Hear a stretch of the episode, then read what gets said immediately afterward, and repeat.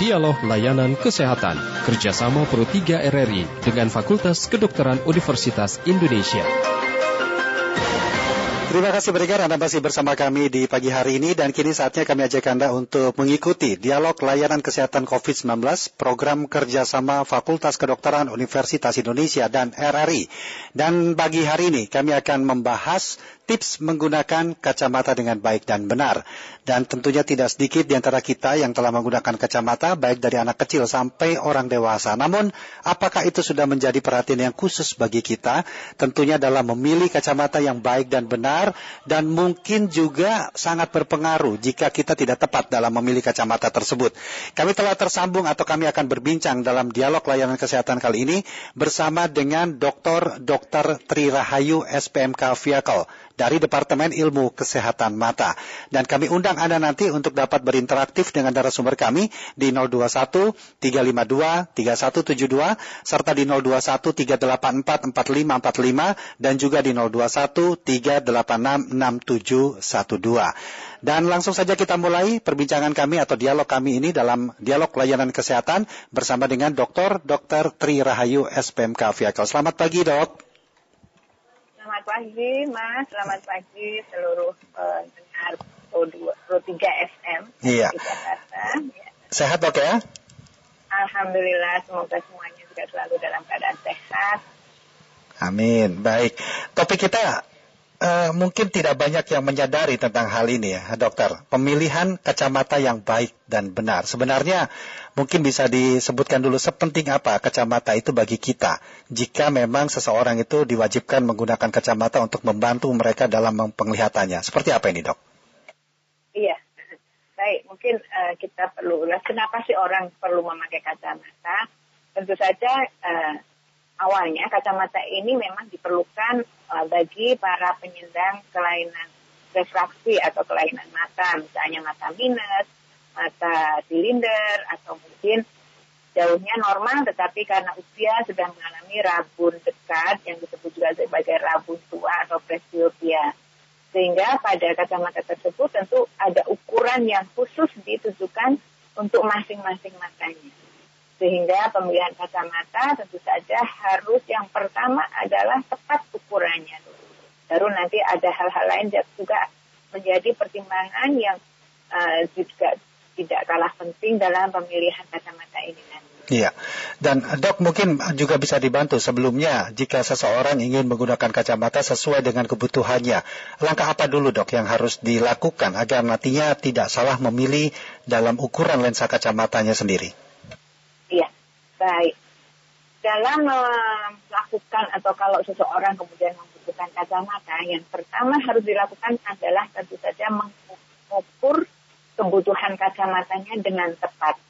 Dalam hal ini, uh, seseorang tersebut harus melakukan pemeriksaan mata di uh, layanan kesehatan mata yang terdiri dari tentu saja yang mengukur itu adalah refraksionis, optician, tetapi kemudian juga harus dilihat atau diperiksa matanya secara keseluruhan. Jangan sampai uh, ada kelainan-kelainan mata selain kebutuhan kacamata yang kemudian terlupa atau tidak terdeteksi gitu. Iya. Baik, kemudian apakah hal itu juga diperuntukkan bagi setiap orang, baik itu anak kecil sampai dengan dewasa bahkan lansia, Dok? Betul, apalagi untuk anak kecil. Anak kecil ini uh, kebutuhan penglihatannya itu masih sangat panjang dan apabila terjadi gangguan mata pada saat kecil yang tidak terkoreksi dengan baik, bisa satu menimbulkan keadaan yang disebut dengan lazy eye atau mata malas, di mana ini nanti tidak terkoreksi pada waktu anak ini sudah dewasa, dan ya. karena juga masih dibutuhkan penglihatan untuk uh, perkembangan baik fisik mentalnya, maka uh, pengukuran ukuran kacamata itu harus tepat dan bisa memberikan tajam penglihatan yang baik bagi anak tersebut. Baik. Kalau pada orang dewasa atau tua, kemudian nanti ada perkara untuk penglihatan jauh dan dekat yang berbeda, itu pun memerlukan pemeriksaan yang juga.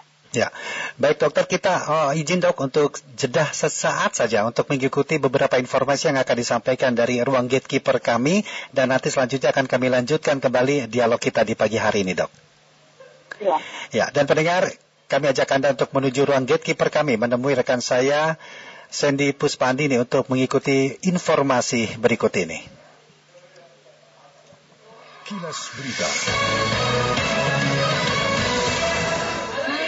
Baik pendengar dari ruang gatekeeper, saya akan memberikan informasi terkait lapas Tangerang yang memang terbakar pada hari Rabu 8 September 2021 pukul 2 dini hari tadi. Ini menewaskan banyak uh, sebanyak 41 warga binaan dan kini saya akan berikan beberapa data lapas yang juga pernah terbakar. Pertama adalah lapas Tanjung Gusta yang habis terbakar dalam kerusuhan pada 11 November 2013 yang diduga bermula saat pasokan listrik dan air di lapas terhenti di mana para napi kemudian melakukan provokasi hingga timbul kerusuhan di lapas yang akhirnya berujung pada pembakaran. Lapas Jambi juga terbakar pada 2 Maret 2017 dini hari sekitar pukul 1.30 waktu Indonesia Barat yang dipicu kerusuhan berujung kebakaran dan kejadian ini tidak menelan korban jiwa. Kerusuhan dan kebakaran hutan di Siak pada 11 Mei 2019 juga terjadi di mana dalam kejadian ini dikabarkan sebanyak 153 penghuni rutan kabur. 112 122 di antaranya berhasil ditangkap sementara 31 lainnya kabur dan sempat dalam pengejaran polisi. Selanjutnya, sebanyak 258 dari 547 narapidana yang berada di Lembaga Permasyarakatan kelas 2 B Sorong juga melarikan diri saat lapas tersebut terbakar pada Senin 19 Agustus 2019. Dan terakhir, Lembaga Permasyarakatan Perempuan kelas 2 Tanjung Gusta Medan terbakar pada Minggu 1 Desember 2019 sekitar pukul 5.30 di mana kebakaran ini terjadi di ruangan bimbingan kerja warga binaan dan kabarnya seluruh warga binaan selamat. Selain itu juga pendengar ini ada beberapa WhatsApp pendengar yang berkomentar terkait kebakaran ada dari 391 yang berkomentar bahwa e, harus ada koreksi sistem kunci kamar tahanan di setiap lembaga permasyarakatan dan rumah tahanan.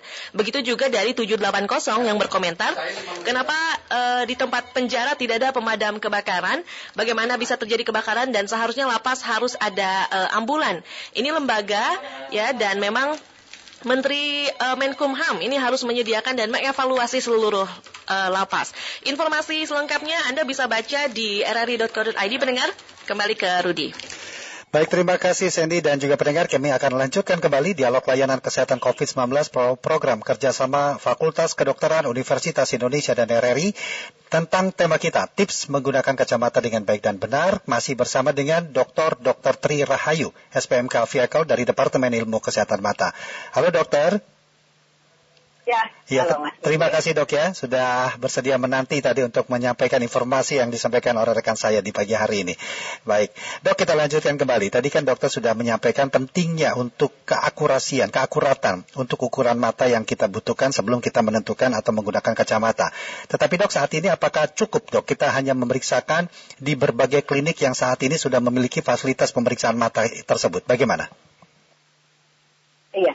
Uh, jadi tadi seperti yang saya utarakan, uh, pemeriksaan kesehatan mata itu tidak hanya sekedar mengukur ukuran kacamata, karena masih banyak lagi hal-hal yang harus diperiksa dalam arti uh, untuk pemberian kacamata itu tidak hanya sekedar ukurannya yang benar, tetapi kemudian harus dilihat apakah mata tersebut juga ada hal-hal yang lain yang uh, akan mengancam kesehatan mata, misalnya uh, ini agak di luar topik.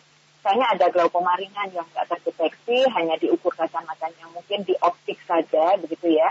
Jadi, jadi di optik memang bisa mengukur uh, ukuran kacamata, tetapi kemudian sebaiknya dari ukuran kacamata tersebut dicocokkan uh, atau dikonfirmasi ke dokter mata, diperiksakan juga apakah ukurannya sudah tepat, kemudian kadang-kadang karena ada sedikit perbedaan antara optik dengan dokter mata dalam hal uh, memberikan rekomendasi pemberian kacamata dengan pertimbangan-pertimbangan apakah akan terjadi astenopia ataukah adanya perbedaan sama kiri yang besar atau mungkin kalau silinder besar itu juga harus dilakukan penyesuaian nantinya dan harus benar-benar tepat maka sebaiknya juga diperiksa kepada dokter mata. Mhm. Klinik yang menyediakan optik dan sekaligus dokter matanya tentu bisa melakukan pemeriksaan itu secara komprehensif ya Mas Rizal ya. Ya, apa dok dampaknya jika hal itu tidak akurat? Apabila persiapan kacamata itu tidak akurat, satu tentu saja akan menyebabkan terjadinya kelelahan mata. Misalnya minus yang diberikan itu uh, lebih besar meskipun hanya sedikit per perbedaannya, itu akan menyebabkan mata pemakainya itu harus berakomodasi terus-menerus sepanjang Baik. dia memakai kacamata itu. Artinya akan terjadi kelelahan. Baik. Baik, Kalau koreksinya ya. tidak tepat pada ya. anak-anak ya. akan menyajikan pelayanan lebih lanjut. Ya. Baik, Dokter Tri Rahayu, terima kasih dok sudah bersedia meluangkan waktu berbincang dalam dialog layanan kesehatan COVID-19 bersama Pro 3 RRI pada pagi hari ini dok. Terima kasih. Ya, salam sehat, sampai jumpa. Ya, terima kasih. Sehat semua. Demikian tadi kami telah berbincang pagi hari ini dalam dialog layanan kesehatan COVID-19 program kerjasama FKUI dan Radio Republik Indonesia. Demikian dialog layanan kesehatan kerjasama Pro 3 RRI dengan Fakultas Kedokteran Universitas Indonesia. Acara ini bisa Anda dengarkan setiap Senin sampai dengan Jumat pukul 9.30 waktu Indonesia Barat.